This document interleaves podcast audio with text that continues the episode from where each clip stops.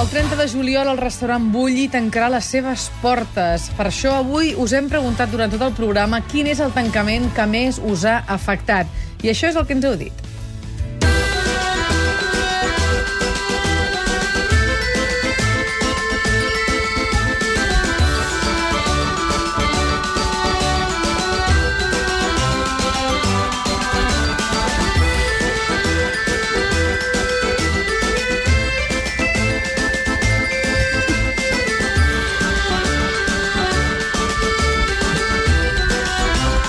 En Joan Ramon. Canela ens recorda un clàssic, les atraccions Caspolino, que hi havia a la plaça Gala Placídia de Barcelona. Aquells mítics cavallitos van tenir el seu moment de glòria als anys 70 i es van tancar, ara en fa 6, el 2005. Diuen alguns internautes que les atraccions en realitat tampoc eren res de l'altre món. Hi havia uns autos, els cavallets, futbolins, però això sí, tenien dos grans avantatges, que hi podies anar a peu, si eres de Barcelona i vivies a prop de Gràcia, evidentment, i que estaven a cobert.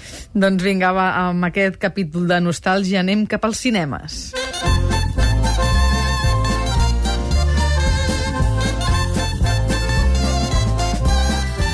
La Maria Carme ha recordat el tancament del cinema Carmen de Palamós. L'època daurada del cinema Palamós va coincidir amb la inauguració el 1961 del cinema Arinco, que tenia 999 butaques, el de més capacitat de les comarques gironines i la segona pantalla més grossa de Catalunya. El Carmen, amb bons films, i l'Arinco, amb la modernitat i perfecció, van mantenir una forta competència. El 79 el Carmen va tancar i poc després els propietaris de l'Arinco van obrir el Caiton. Actualment, aquests dos són multicinemes amb tres sales cadascun. I a Figueres, la Cati ens recorda a través del Facebook el cinema Juncària, l'última pel·lícula que hi van projectar va ser Cinema Paradiso, Mira. molt adequada perquè explica la mateixa història. I el Marco ens envia un link de la notícia del tancament del Casablanca Kaplan als Jardiners de Gràcia el passat mes d'abril. S'afegeix a la llista dels cinemes Lauren de Sant Andreu i les històriques sales Rex i Alcázar, els últims tancaments a Barcelona. De fet, cada vegada queden menys cinemes d'aquells que el diumenge penjaven el cartell de complet. El Fèmina, el Fantasio, el Diagonal, l'Història o el Savoy són algunes de les sales més recordades pels cinèfils. Els cinemes Catalunya i Vergara van ser víctimes també del desenvolupament comercial que va experimentar Barcelona als anys 90. I el 2004 va tancar la sala Roma al carrer, al carrer Aragó, que era la sala X, l'última, eh, l'últim cinema porno que quedava a Barcelona. Més tard va venir el tancament del Cine París a Portal de l'Àngel, era l'any 2007. Les últimes cintes que s'hi van veure van ser Volver, de Pedro Almodóvar, i La vida abismal, de Ventura Pons. L'última notícia malaurada l'hem tingut aquest mes de juny. Els cinemes Melies van patir un incendi i no se sap encara si podran tornar a reobrir les seves portes. Per cert, parlant de cinemes, en Joan Ramon se'n recorda molt del bar Quimet, un lloc inoblidable que també va tancar a la Rambla del Prat i que estava davant dels cinemes Bosque. I la Sara recorda el cinema Boliche, a l'Avinguda Diagonal de Barcelona, mica retro i amb pel·lícules en versió original subtitulada. També hem estat rebent trucades tot el matí, trucades vostres que ens explicàveu quin tancament us ha afectat més.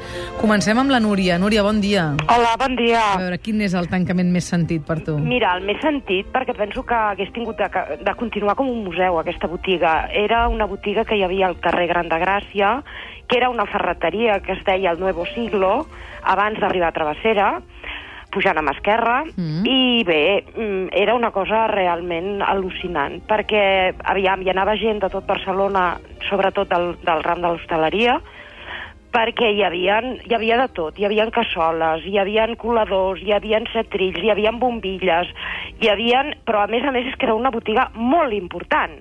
Mhm. I els aparadors doncs anaven posant-hi coses modernes, màquines de fer pasta, les últimes olles doncs, de, de, de Le Creuset, de, tot lo nou, i a dins també, però al mateix temps hi havia tot el que ja hi havia els, els aparadors i a dins, que fins i tot doncs, eh, els, el que era estava tot perfectament especificat, perquè a vegades no sabies què, què és el que per què servia, amb uns papers escrit a mà, i tot posat, bueno, era una cosa que jo a vegades hi passava i em podia passar tres Mm. quarts, una hora mirant els aparadors. Llàstima, jo estic segura, eh? Sí. Jo estic segura que hi ha molta gent de Barcelona que hi, o hi ha anat o s'ha fixat en aquesta botiga Torna'm a que- dir el nom, Núria. El Nuevo Siglo. El que ara- Nuevo I Siglo. era ferreteria. Mhm. Ara a Gran de Gràcia, pujant a l'esquerra, hi ha una ferreteria, també. Sí, molt però completa. és una, és una ferreteria nova, que es diu La Camps, que està passat Travessera. Vull dir que no és el mateix número ni és el mateix local. No, en, aquesta, en aquest lloc, a més, jo vaig parlar amb ells poc abans, perquè més van fer liquidació durant molt temps, i anaves veient com els aparadors es anaven buidant, però molt a poc a poc, eh? Vull dir... I a més, podies comprar bombilles, podies... O sigui, era una cosa que era increïble. I vaig parlar amb ells una vegada aquí passo i veig que, bueno, liquidació, i em vaig quedar allò dient, aviam, i entro. I vaig estar parlant amb ells i em van dir, sí, sí, però continuareu i tal.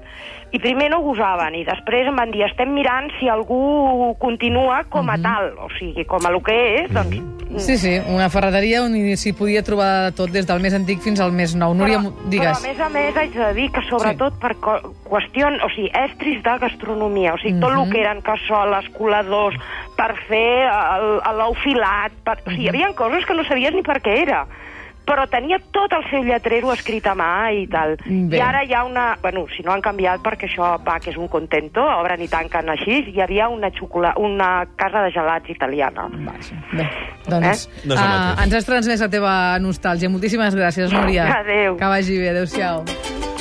El Marcelí es confessa, tot i que la seva qualitat gastronòmica no es pugui comparar amb el Bulli, que és qui tanca aquest mes de juliol, per mi la punyalada més grossa en aquest terreny, el gastronòmic, ha estat el tancament del Pòquins a la plaça Francesc Marcià de. Barcelona. Diu el cas que jo vivia al costat, a les Corts, i sovint aquell era un punt de trobada i el lloc on ens menjàvem aquelles hamburgueses tan saboroses i on, atenció, et podies dispensar el que volguessis, tot el que volguessis, de ketchup, mostassa i maionesa sense cap sobrecost. Explica que, de vegades, la barqueta de patates fregides s'assemblava a un mar groc, marró i vermell, on les patates so sobresortien com illetes. I en aquells temps no hi havia tants problemes amb la bilirrubina, ens diu. Al Pòquins de Francesc Macià s'hi van rodar pel·lícules com Barcelona Surt del 1981 i Què t'hi jugues Maripili del 91.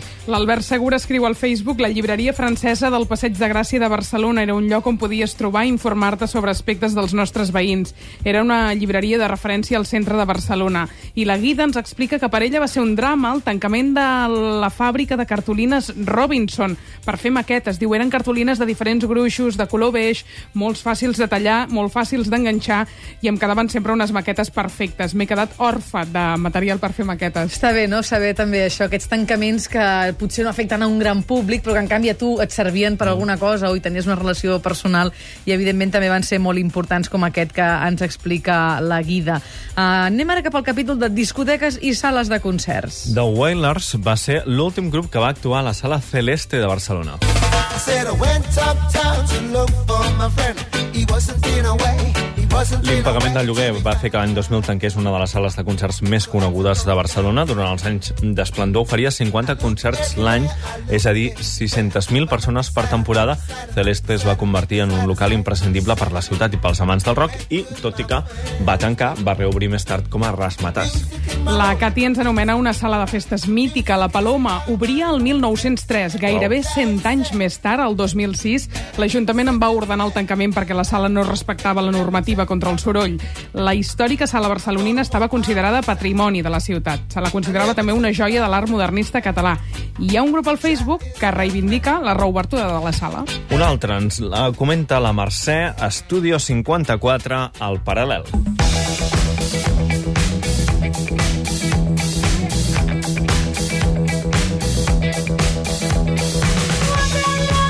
Studio 54 va obrir les portes l'any 1980. El seu fundador va ser el novaiorquès Mike Hewitt, homònim del famós Club de Nova York.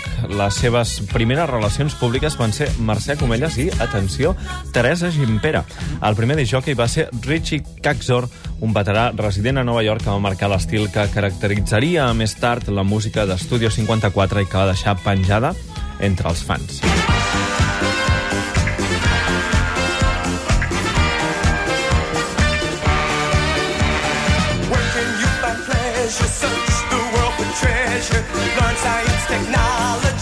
La Teresa Badalonina em va fer molta pena el tancament de la discoteca Titus a la platja de Badalona. Allà hi havien passat les adolescències, mil, l'adolescència milers de badalonins i la llei de costes va obligar a derribar I- aquesta discoteca. I la Cristina ens parla del bar Tampico, a la Vila de Gràcia, un bar de tota la vida, diu, un bar cutre però autèntic, on s'hi dinava.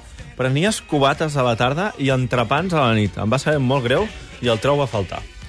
Anem al telèfon 932017474. Joan, bon dia. Bon dia. A veure, quin és el tancament que t'ha vingut al cap a tu quan parlàvem d'això? Pues el, jo crec que va ser el primer eh, restaurant, eh, espectacle de Barcelona que va ser el famós Escala, Uh -huh. dels germans Riba. Uh -huh. Quin any es va tancar, ho recordes, més o menys? Mm, jo diria que potser fa uns 20 anys o 25, això no recordo Déu-n'hi-do. exacte. Déu-n'hi-do. I que estava allà al passeig de Sant Joan, Consell de Cent, si no recordo malament.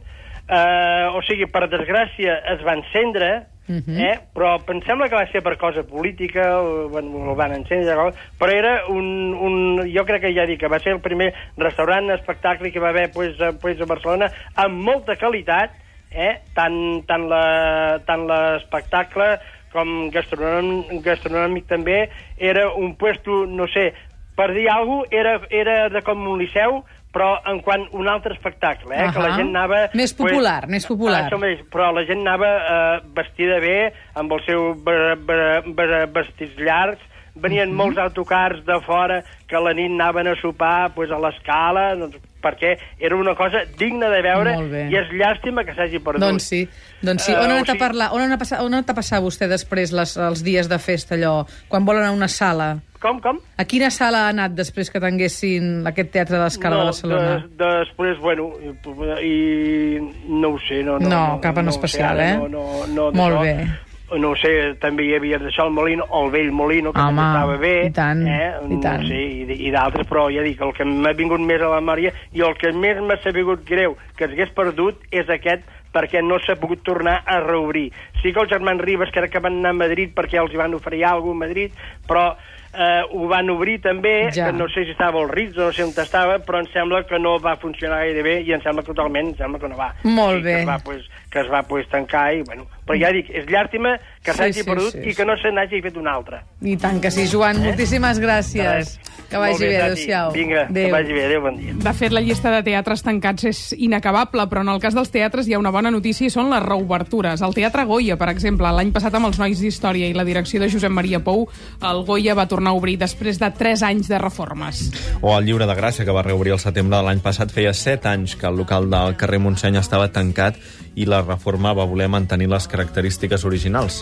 Reobertures com la del Teatre Arnau, després que l'Ajuntament l'hagi comprat a l'Església Cristiana Xinesa de Barcelona, i abans parlàvem de l'Estudio 54, en aquell local hi havia hagut el Teatre Espanyol, després hi va haver la discoteca, fins que va tancar el 97, i des de l'any passat hi ha l'Artèria Paral·lel, per no parlar, com dèiem ara, amb en Joan, del Molino. Molt bé, encara tenim temps d'una última trucada 932017474. Enric, bon dia. Hola, bon tancament. Quin és aquest tancament que t'ha fet mal al cor? dia. Mal, mira, jo el tancament que m'ha m'ha fet molt de mal a mi i a, i a milions de valencians és el tancament de TV3 al País Valencià. I tant que sí.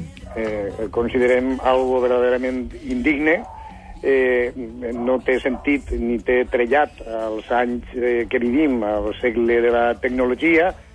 Eh, pensem que és una censura en tota regla a la nostra cultura i a la nostra llengua i, bueno, eh, fem responsables, per una banda, eh, el govern valencià, que és el que ha executat, eh, per supost també fem responsables al govern català, que tampoc està eh, posant de la seva mà eh, tot el que caldria per, per intentar eh, resoldre aquesta situació, i en aquest impàs, pues, ahí estem. Mhm. eh, és una televisió que, que, que sé jo, eh, quan vàrem iniciar i ens vàrem connectar, vàrem veure els primers eh, capítols de Dallas en català, o els eh, nostres fills es varen eh, criar i, i créixer eh, veient eh, Bola de Drac o Doctor Slum o qualsevol altra cosa, eh, la meva dona o amics meus eh, s'han emocionat veient el cor de la ciutat i és algo nostre que el, és l'any